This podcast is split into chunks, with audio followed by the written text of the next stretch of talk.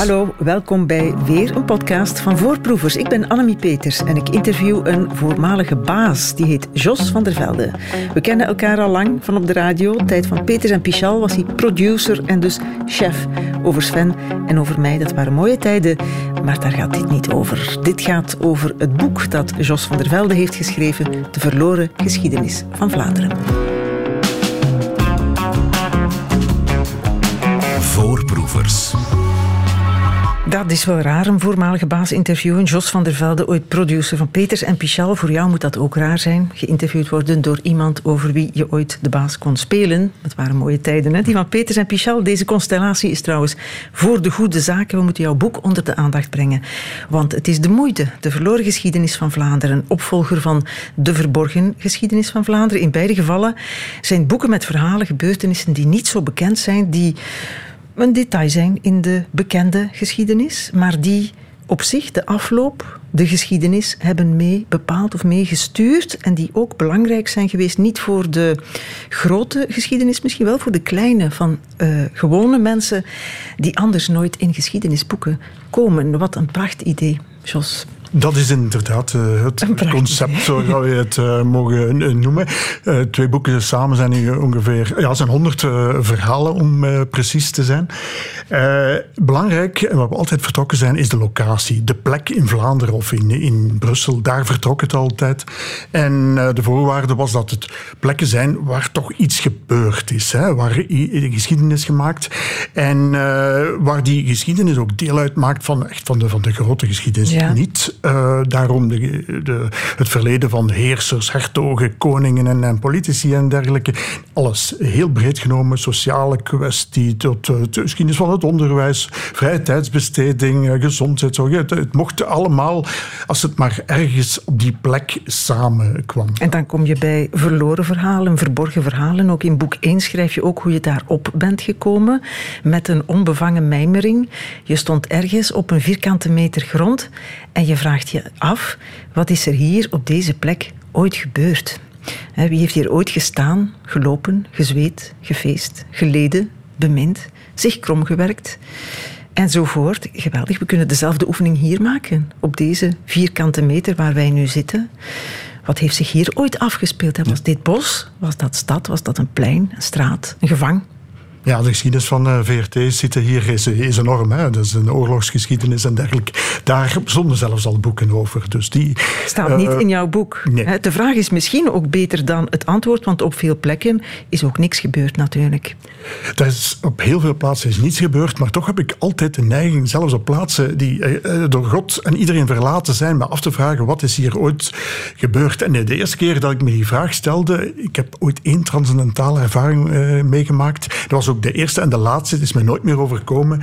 Als kind stond ik op een soort van tumulus, dat is een soort oude grafheuvel. Eh, grafheuvel en uh, daar vroeg ik mij af, kijk, wat zou hier allemaal gebeurd zijn? Hier moeten mensen gestorven zijn, eh, geleden hebben, plezier gehad hebben. En ja, kijk, het vervolg zit nu in deze twee boeken. Het is een levensmissie, die boeken schrijven. Voilà. Ja. De vraag is wel, hoe vind je al die plekken? Hè? Want je zegt twee keer vijftig verhalen in twee boeken. Hoe vind je die? Hoe vind je die plekken als ze nog niet omschreven zijn als, ze nog niet, als de geschiedenissen nog niet verteld zijn. Ja. Soms uh, was die geschiedenis wel verteld, soms is ze eigenlijk totaal uh, vergeten of, of, in, of inderdaad uh, niet, niet verteld. Um, ik, ik vond het altijd belangrijk dat het echte, echte geschiedenis was. ja, soms een dat niets meer betekent dan dat, dat heb ik niet geselecteerd. Het zijn wel soms anekdotes. ik, ik zeg maar uh, Frans Ferdinand, hè, de, die uh, vermoord is in Sarajevo, wat de Eerste Wereldoorlog in gang heeft gezet. We zijn naar Blankenbergen gegaan, want in 1914 had hij een kamer, een hotelkamer geboekt in Blankenbergen. En we zijn dat hotel gaan zoeken, tenminste de plek, want al die hotels zijn verdwenen en hebben plaatsgemaakt voor een betonmuur, hè, zoals onze zeedijk nu gevuld is. Maar we zijn van vertrokken van dat hotel. We zijn die plek gaan zoeken en zo zijn we dan de grotere geschiedenis van Frans Ferdinand op dat moment gaan vertellen. Ja, en, de, de, de, plekken zijn dus niet allemaal onbekend, hè? bij lange nee, niet. Nee, soms zijn ze totaal banaal lelijk en daarvoor had ik, hebben we dus een fotograaf mee in dienst genomen. Dat is Alexander Dumaret, die ook een heel belangrijke rol heeft gespeeld. Ja, maar die soms dus effectief het hotel van Frans Ferdinand is gaan fotograferen. Maar ook onnozele, lelijke, banale parkeerplaatsen, kruispunten, ja. uh, weiden, velden, waar ooit wel iets gebeurd is waar ooit iets gestaan heeft wat er nu niet meer staat. Je deelt je boek in in beslissende plekken, rampzalige plekken, revolutionaire plekken, um, altijd vertrekkend van de plek. De beslissende plekken zijn ook niet allemaal onbekend. Hè. ik haal er eentje uit, La Maison du Cygne, het, mhm. het, Huis van de Zwaan op de Grote Markt in Brussel. Daar ben ik zelfs al eens gaan eten. Maar dat is een beslissende plek, omdat daar het staat ook naast, naast het restaurant hè, in het Huis van de Zwaan. Hier werd ooit de Belgische Werkliedenpartij opgericht. Ooit, dat is op 5 april 1885. Om precies te zijn, ja. Als dat op een plaatje staat naast de deur, waarom staat dat dan in jouw boek? Want wat is dan de verborgen geschiedenis of de verloren geschiedenis? Ja, kijk, uh, dat was oorspronkelijk een gildehuis en uh, daar is niet bij, uh, bij gebleven. De hele 19e eeuw is dat vervuild tot een soort van wat revolutionair café, herberg met hotelkamers en, en, en dergelijke. Uh, daar kwamen vrijgevochten lieden terecht uh, uit andere Europese landen waar ze niet zo liberaal konden denken als in Brussel op dat moment. We schrijven dan uh, midden van de 19e eeuw. En een van die befaamde lieden die daar bijna drie jaar heeft rondgehangen was Karl Marx. Dat staat ook op een ander plakkaat. Dat staat op een ander plakkaat. Dus dat is ook geen verborgen geschiedenis? Dat is niet verborgen, maar de meeste mensen die daar komen weten dat niet. Hè. De, en, en uh, in het boek staat ook het verhaal van, uh, van Multatuli met Max Havelaar, die het boek heeft geschreven in de schaduw van het Centraal Station. Daar hangt ergens een plakkaat, maar niemand weet dat. Nee, je loopt Duizenden daar voorbij. mensen lopen daar voorbij. Ja, behalve als je daar ooit bent gaan eten, dan kom je altijd terug naar die grote markt. En dan kijk je nog eens naar de zwaan, dan zeg je het was toch lekker. We zijn wel in de bistro geweest, beneden, want boven is een veel chique restaurant. Wat je ook in je boek schrijft en wat ook niemand nog weet, denk ik, is dat de gouden schoen in datzelfde huis ook jaren is uitgereikt. Ja, jarenlang uh, kwamen daar de voetbalbobo's uh, samen, smiddags. En uh, die kozen de winnaar van de gouden schoen. Samen met de tomat crevetti aan het voorbewaren en, en de foie gras. En dan werd die winnaar daar ter plekke gekozen. En niks te grote gala-evenementen samen. Nee, er werd, iemand nam de telefoon vast en belde rechtstreeks naar de voetballer die de gouden schoen had ge, gewonnen. En die werd dan om meteen naar Brussel te komen, naar La Maison du Cygne, waar hij de gouden schoen kreeg. En dan ging er een telefoontje naar de VRT, of de BRT eh, toen nog, om te zeggen van dat is de gouden schoenwinnaar. Uh, en dan kwam dat op de radio en in het nieuws. En dat, uh, dat was het. Ja, allemaal verhalen bij, uh, die ene gouden, bij die ene zwaan, hè, dat ene huis van de zwaan. Tof verhaal voor sommigen, bekender dan voor anderen natuurlijk. Er staan wel meer verhalen in jouw boek die soms bekend zijn, maar plaatselijk bekend, moet ik dan zeggen, door mensen in de buurt. En um, die zijn stilaan aan doodgaan, omdat dat lang geleden gebeurd is. En nieuwe generaties weten van niks. En zo krijg je ja, versies van verhalen die niet allemaal meer waar zijn. Eén zo'n verhaal gaat over een plek die jou en mij na aan het hart ligt, want we zijn allebei Limburgers. En het speelt zich af in Limburg in 1958 in Riemst. De BRT, toen ook nog, ging ter plekke kijken en maakte er bijna een luisterspel van.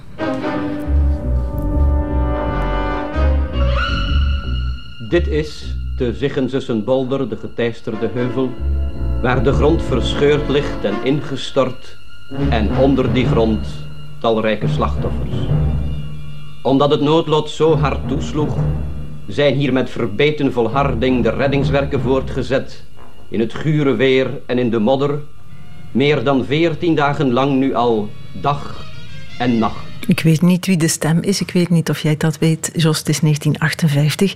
Maar het gaat over de Roosburggroeve, de Mergelgroeve, die ingestort was in Zichen op de ochtend van 23 december 58. Dat schrijf jij toch? Um, duurde één minuut, maar was rampzalig hè, voor die gemeente. Rampzalig, ja. En het was twee dagen voor kerstmis. Er was bijzonder veel uh, bedrijvigheid in die mergelgrot. Want daar werden uh, champignonnen uh, ja, gekweekt. Er werd geen mergel meer opgegraven, dat was nee. allemaal weg. Nee, maar het was de ideale plek om champignonnen te kweken. De ideale vochtigheid, het, constante temperatuur. En heel wat van die, de dorpelingen die daar rond woonden, waren daar actief. Op dat moment zelfs meer dan 100 mensen, want het was heel druk. Hè. Kerst, de kerstfeesten kwamen eraan. En wat was er dan precies gebeurd? Uh, plots is alles ingezakt. Nu, er waren signalen op voorhand dat er al gerommel werd gehoord in die, in die berg en dat er uh, stukken van de mergelgrot afgevallen waren. Maar wat was er gebeurd? Uh, door die productie en die hoge vraag naar die champignonenkwekerijen had men de steunpilaren die al eeuwen geleden en honderden jaren geleden soms uitgegraven waren, die had men afgebladderd eigenlijk met de, met de tijd dunner gemaakt. Dus die, uh, de kracht en de steunkracht daarvan was serieus afgenomen. Men had ook die, uh, die grotten groter gemaakt om maar zoveel mogelijk bedrijvigheid in uh, die mergelgroeven te, te, te, kunnen hebben. En dat is dan op, een, op die vreselijke dag totaal misgegaan. Ja, dus het was eigenlijk een geldkwestie of een productiekwestie. Het nieuwsfragment dat we hoorden was 14 dagen na de ramp. Maar die reddingswerkers die hebben maanden gezocht, dat schrijf jij ook. Hè. Zeven slachtoffers gevonden, maar elf nooit. Op een keer moesten ze het opgeven. En de gouverneur van toen gaf een toespraak op tv. De gouverneur heette Roppe. Zeer geachte telekijkers.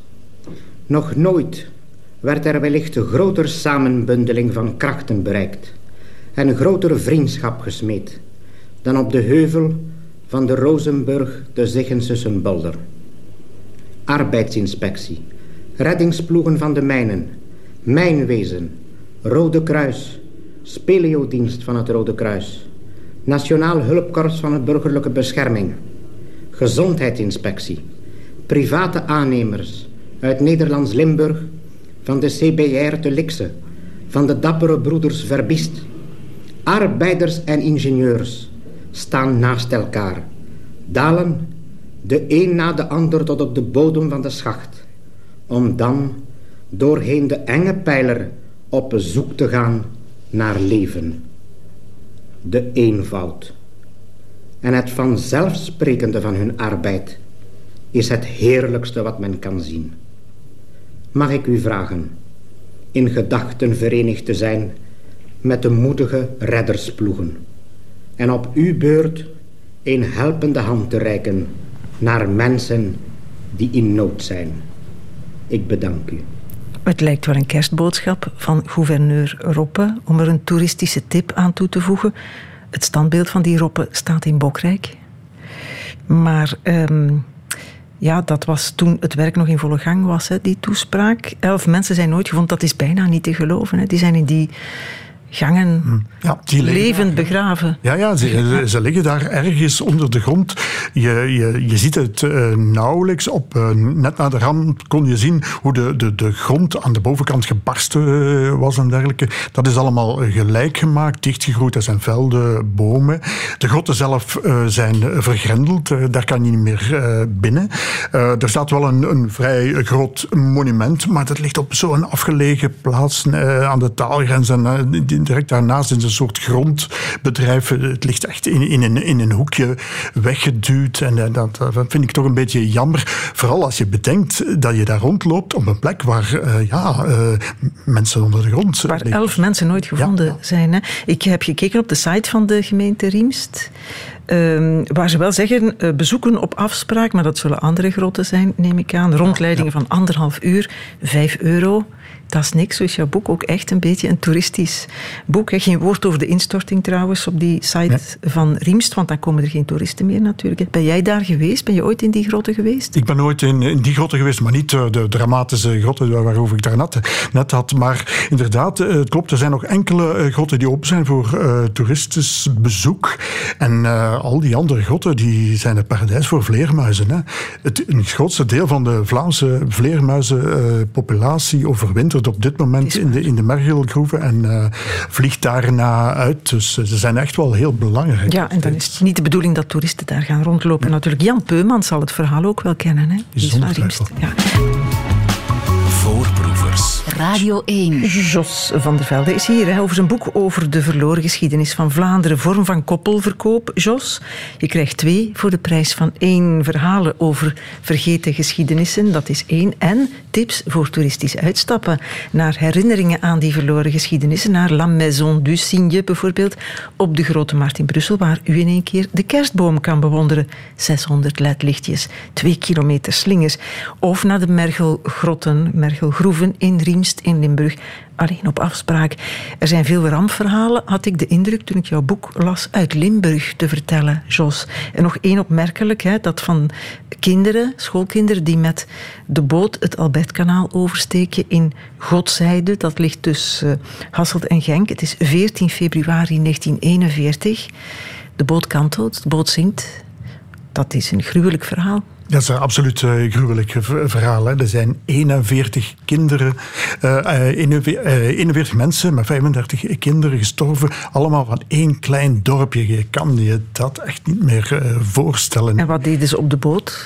Boot is een groot woord, want dat was het eigenlijk nauwelijks. Het was een soort veerboot hè, die over het Albertkanaal werd geleid. En je moet je dat indenken, daar waren niet meer dan wat luchtdichte tonnen waarop een houten staketsel was geplaatst. En dan was er een veerman die langs een kabel dat bootje met al die kinderen uh, op over het Albertkanaal trok. En waarom uh, moesten die kinderen naar de andere kant van het Albertkanaal? Dat had alles te maken met het kanaal zelf. Want eigenlijk is dat kanaal bijna even uh, verantwoordelijk voor de dood van die kinderen. Uh, in de jaren dertig is het Albertkanaal gegraven. Het is midden door, bijna midden door Godsheide gegraven, waardoor een deel van die gemeente werd afgescheiden van de rest van het dorp. Dus de school stond aan de ene kant ja. en een deel van die kinderen woonde aan de andere kant. Hij moest met de boot naar school. Nee, aanvankelijk was er een brug. Er was een Baileybrug. En, uh, maar dan komt die oorlog. En uh, wat doet het Belgisch leger? Die uh, bombardeert, ja, die laat die brug exploderen om de Duitsers tegen te houden die aan een opmars bezig was. Er was dus geen brug meer.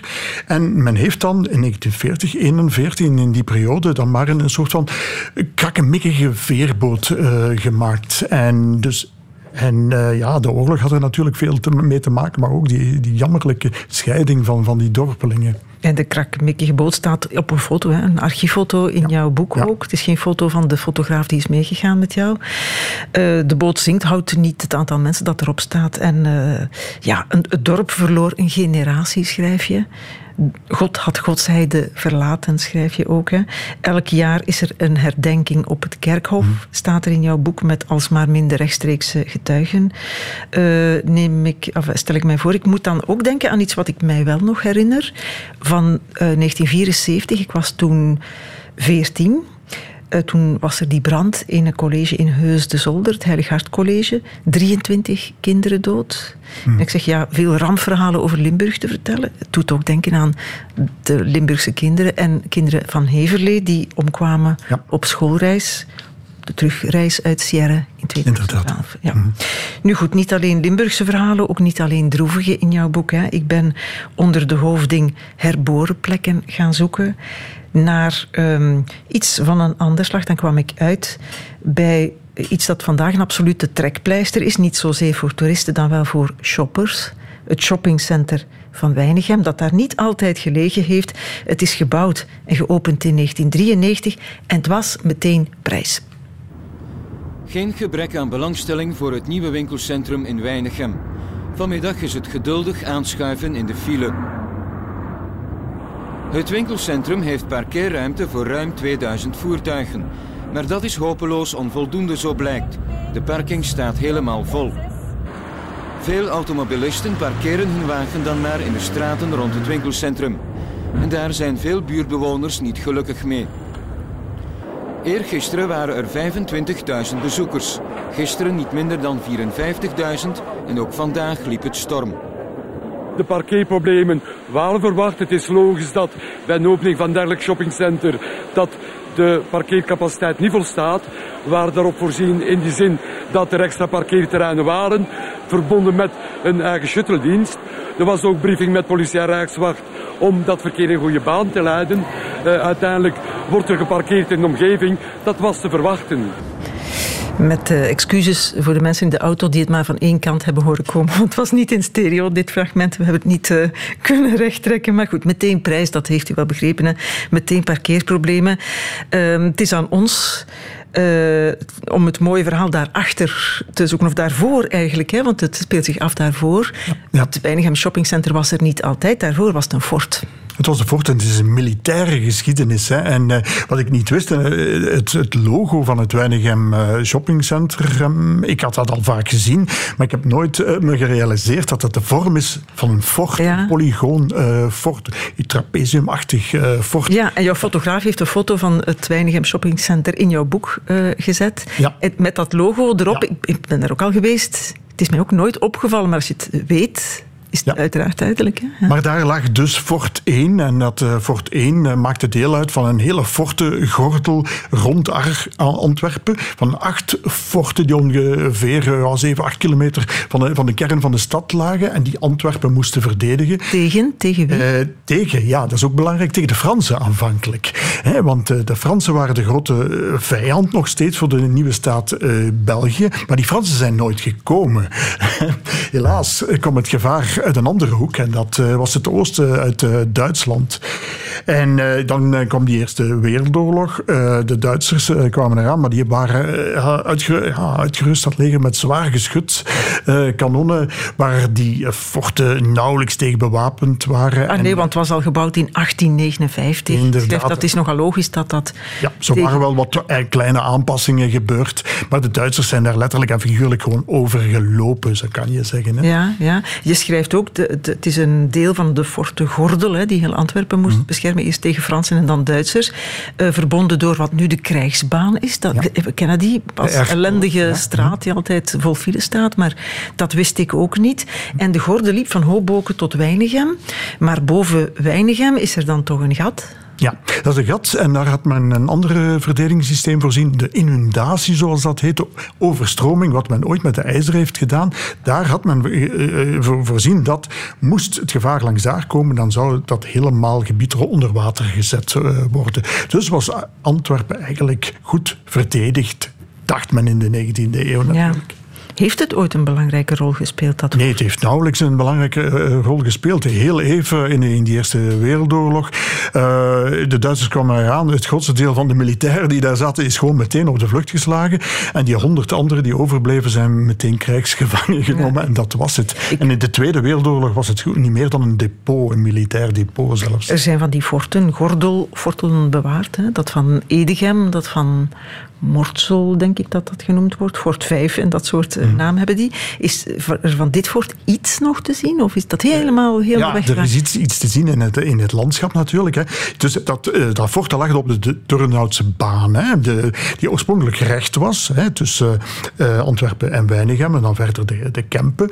Het fort is daar pal opgelegd. En men heeft de Turnhoutse baan daar rondgelegd. En dan is in 1959 het fort terug afgebroken. 100 jaar na de bouw is dat. Ja, exact van de Turnhoutse baan, zou je kunnen noemen. Want ja, de mobiliteit eh, die nam toe in die periode en dat moest terug een, een, een rechte baan worden. En daarom zijn alle andere forten zijn er nog, behalve dat ene fort is afgebroken, omdat uh, die Turnhoutse baan, dat was toch wel iets praktischer dat je rechtdoor kon, kon rijden maar, natuurlijk. Maar de, de, je, er staat een foto in jouw boek van de vlakte He, aan de ene kant is het Weinigem Shopping Center gebouwd, ja. aan de andere kant is het vlak, is, is grond. Ja. Komt er dan niemand op het plan om dat vol te bouwen? Want dat is een braakliggend terrein, dat is veel geld waard, toch? Dat uh, kan uh, zo zijn, ja, dicht bij, bij de stad, maar er is een probleem. Het grootste deel van het puin, van het afbraakpuin, van, van het beton van het fort, ligt daar gewoon nog onder de grond. En uh, men heeft voor die vlakte, men noemt dat nog steeds de, de fortvlakte, allerlei plannen gehad. er was een plan om daar Beerschot stadion op te bouwen, een gigantische parking. Op een gegeven moment zijn er eh, milieuverenigingen gekomen die hebben gezegd van dit moet groen worden. Goed idee. Die milieuverenigingen hebben hun gang kunnen gaan. De bedoeling was daar, dat daar een bos zou groeien en dat dan een groene plek zou worden. Maar daar, helaas groeide daar geen bos. Want, Omdat die wortels niet door kunnen. Die ondergrond zat compleet uh, vol met beton en, en, en, puin. Daar groeide dus niets. Nu is recent een uh, vrij nieuw ecologisch plan. het zou een soort van sponsenpark moeten worden. En de bedoeling is dat dat een soort waterhoudende plek zou kunnen worden nuttig in geval van grote droogte. Je schrijft het mooi, de vijand heet tegenwoordig de klimaatopwarming. Ja, dat is een nieuwe vijand.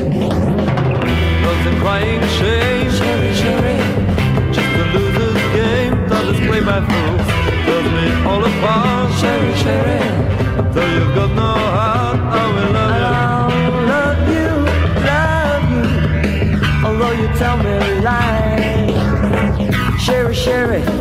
sherry, sherry, sherry, sherry, sherry, sherry.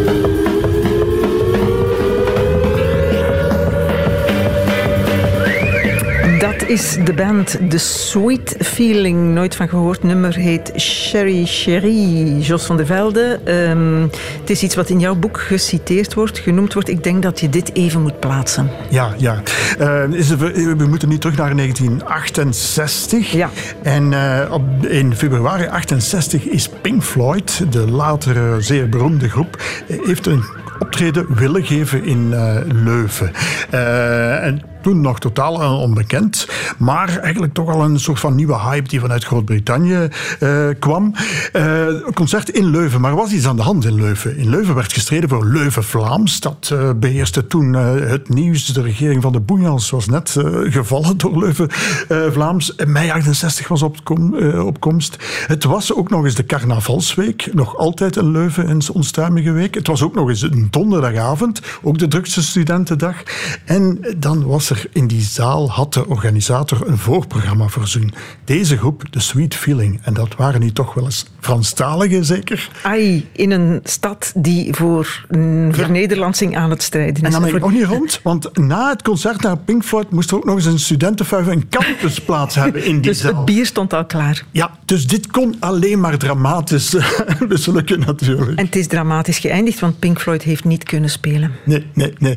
Eh, er is gevochten in de zaal. De Rijkswacht heeft moeten ingrijpen. Er is een, eh, een eh, fles bier terechtgekomen in het orgel van Rick Wright van Pink Floyd. Het- Ze zijn echt op de vlucht moeten slaan. Het is een mooi verborgen verhaal. Hè. De plaats van het orkest, de zaal, de Rijschoolstraat, bestaat die nog, die zaal?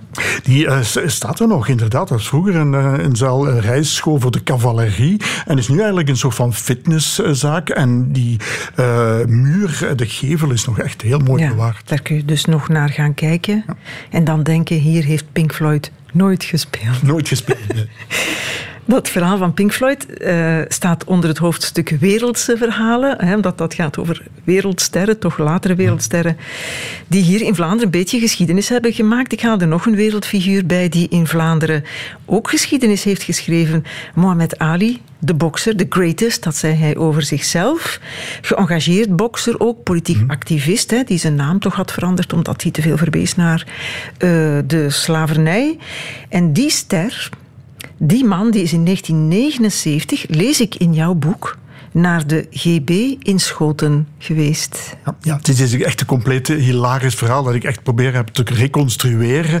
Dus Muhammad Ali, zijn, zijn grote carrière is een beetje voorbij. Hij is bijna blut. Hij heeft veel te veel geld uitgegeven aan alles en nog wat. Zijn manager besluit hem op promotietournee te sturen door Europa. Tien steden en België zit daarbij. En om voor wat promo te maken dan voor zichzelf. Voor zichzelf en eh, voor de grote sponsors. Het was gesponsord door GB, hè, eh, later Carrefour, en door het automerk Fiat.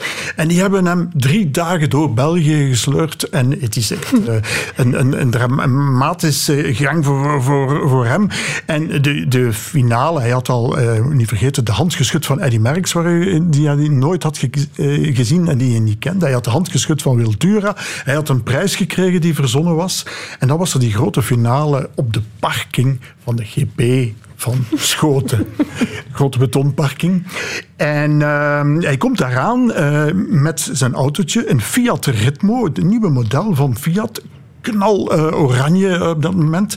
En eh, dan rijden ze hem naar die parking en hij stapt uit. Wat gebeurt er? Hij had een pak aan, een mooi pak, met logo van de GB. Dat hadden ze hem aangemeten, maar die man was 1,93 meter, zwaar gebouwd. Dat pak scheurt ter plekke open. Daar moet een, een sponsorpak? een sponsorpak, daar moet snel een naaister bij geroepen worden om daar toch nog iets deftigs Och, eh, te toch. maken. Die arme man. En dan moet hij van alles doen. Hij moet daar een, een soort exercitiekamp geven, handtekende foto's weggeven, eh zo'n beetje schaduwboxen. hè, eh. en dan is er de finale, een etentje in het nabij gelegen restaurant Ten Wijngaard. En wie zit daar? Jean-Marie Pfaff, die andere heel bekende eh, Belgische sportman met de hele club van SK Beveren, op dat moment de landskampioen. En eh, gelukkig stond daarna het eh, vliegtuig klaar, was dat zo'n beetje de laatste, het laatste offens- offensief van zijn hij- ja, het was een zielige tour eigenlijk langs de GB's met een aangemeten pak dat scheurde. Maar hij is toch ook in terloops geweest, want Ja. we hebben iets gevonden. Eh, dat hij daar gezegd heeft, het is iets korts, maar het is wat moeite. things in the world will be much better one day where people won't judge each other by color or by race. But boxing is a sport that's controlled mainly by black people when it comes to physical activity. The managers are the money makers are the whites. Het is tijdens dat etentje, denk ik, dat hij dat gezegd heeft. En dat tv-programma Terloops in die tijd daar staat. Boksers zijn zwarte mensen, maar het zijn blanken die met het geld gaan lopen, zegt hij. Waaruit zijn activisme toch ook wel blijkt. Hè. De zichtbare, nog te bezoeken herinneringen aan die tour zijn uiteraard de GB van Schoten, die staat daar nog. En dat restaurant, hè, Ja, ja. Grand Bazaar. Ja, Grand Bazaar heet het nu, ja. Heette het toen niet, maar nu wel. Zullen we nog één ding kiezen uit jouw boek om te besluiten? Ik ehm, had heel graag nog... Oh, ik had zo graag nog veel verhalen verteld. Maar ik ga eh, eh, naar het verhaal van Adriaan Martens. Ik denk dat je die ook moet uitleggen. Het is een man die in Astene woont, in Oost-Vlaanderen. In de Emile Klauslaan. Dat is een brede asfaltbaan, schrijf je. Maar met twee heel mooie huizen. Ja, heel prachtige huizen. eh, ontworpen door Henri eh, van de Velde. Ze liggen er eh, nu nog steeds. En het is natuurlijk die plek die mij geïntegreerd heeft. Maar ik wist niet dat het, het, verhaal daarachter zo enorm was. Het is niet alleen een, een, architectuurverhaal. Het is ook een politiek verhaal. Want dit waren de villa's van Adriaan Martens. Dat was een geneesheer. En die man was er persoonlijk voor verantwoordelijk dat de regering Paul Harry Spaak in 1939 eigenlijk gevallen is over een dossier eh, rond, eh, rond Martens zelf. Hè. Dok- Dokter Martens heette hij toen. Niets te maken met bekende schoenenmerk, maar hier was het een begrip. En eh, die Martens die was bedicht van collaboratie, Vlaams activisme in de Eerste Wereldoorlog. Was ook veroordeeld, was terug vrijgekomen in 1929, een soort van uitdovingswet, amnestie. En had zich helemaal teruggevestigd. Dat was helemaal een, een belangrijk geneesheer geworden die gespecialiseerd was in inwendige ziekten. Hij was toen bijzonder, want de meeste artsen waren generalisten. Hij specialiseerde zich. En hij heeft daar eh, in Astene door Henri van de Velde de polykliniek voor inwendige ziekten eh, laten eh, oprichten. En daar tegenover een prachtig modernistisch eh, villa, Villa Landing heet ze. En die bestaat, ja, ze zijn er nog steeds. Ja, mooie foto's in jouw boek. En hoe komt het dat de regering gevallen is door hem? Ja, het is een bijzonder eh, ingewikkeld eh, dossier. Dat je heel kort moet vertellen. Ja, hij werd eh, voorgedragen om lid te worden van een soort van gezondheidsacademie. Daar was heel wat tegenstand gezien zijn collaboratieverleden.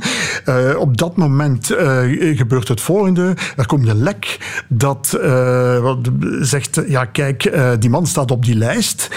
Koning eh, Leopold III moet die lijst ondertekenen, maar omdat er dat lek was, moet hij eigenlijk een keuze maken. Moet hij laten zien, waar- is hij voor of tegen, en was de kroon ontbloot. En dan is er een heel politiek spel gebeurd en dat heeft uiteindelijk tot de val van de regering Spaak geleid. En, heel belangrijk, tot een groot conflict tussen Leopold III en de regering. En dat heeft zich de volgende tijd, het begin van de oorlog, verder gezet in die grote splitsing tussen Leopold III tijdens de bezetting en de regering. Pierre Lot, die vluchtte naar eh, Londen. Hè, de basis van de Ja. koningskwestie. Die meneer Martens, die dokter Martens, die kunnen we laten horen, want die zat ooit in Ten Huize van. Ja. Dat was bij Annie van Avermaat, klein stukje. Dit huis dat u hier gebouwd hebt, heet Landing. Waarom hebt u dat zo genoemd? Nou, dat zit hem hierin.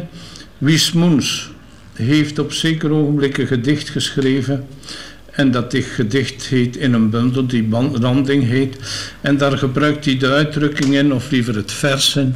Ieder eh, kiest zich een ducdalp waaraan zijn schip is gemeerd. Een ducdalf, wat is dat Een eigenlijk? ducdalf is een paal die langs een stroom of langs een rivier of langs een kaai opgetrokken wordt en waar men de touwen aan vastlegt die de schepen aan de wal houden eigenlijk. Eh, hoe lang woont u hier eigenlijk Ik woon hier van het jaar 35. En dit huis is gebouwd door Henri van de Velde. De man waar voor het ogenblik heel veel over gesproken Ja. en geschreven wordt. Die een vriend van me was. En die ik altijd verzorgd heb. Hij is heel oud gestorven in Zwitserland op zijn 90ste jaar. Kijk, leuk om die mannen uit jouw verhalen, die mensen uit jouw verhalen, echt te horen in de uitzending. De mooie tastbare sporen zijn ook die twee huizen natuurlijk langs die steenweg. De polykliniek is een privéwoning geworden. Beschermd, ongewijzigd. Eh, prachtig ook hè, op de foto in jouw boek. Villa Landing is helaas een restaurant geworden, schrijf jij. Veel authentieks verloren. Ehm, niet beschermd. En zo komt dat dan. hè. De mensen die nu in die vroegere polykliniek wonen, die zullen het niet fijn vinden als ik iedereen naar Ginder stuur om eens te gaan kijken naar dat mooie huis. We zullen de luisteraars naar dat restaurant dan maar sturen, Jos, dat jij misschien ook hebt voorgeproefd. Nee. Oké, eindeloos kan ik verhalen blijven halen uit jouw boek. Het is echt, echt tof. De verloren geschiedenis van Vlaanderen, uitgegeven bij Davidsfonds. Jos van der Velde, dank je wel. Voorproevers. Dit was een podcast van Voorproevers. De hele collectie is te vinden op VRT Max. Voorproevers.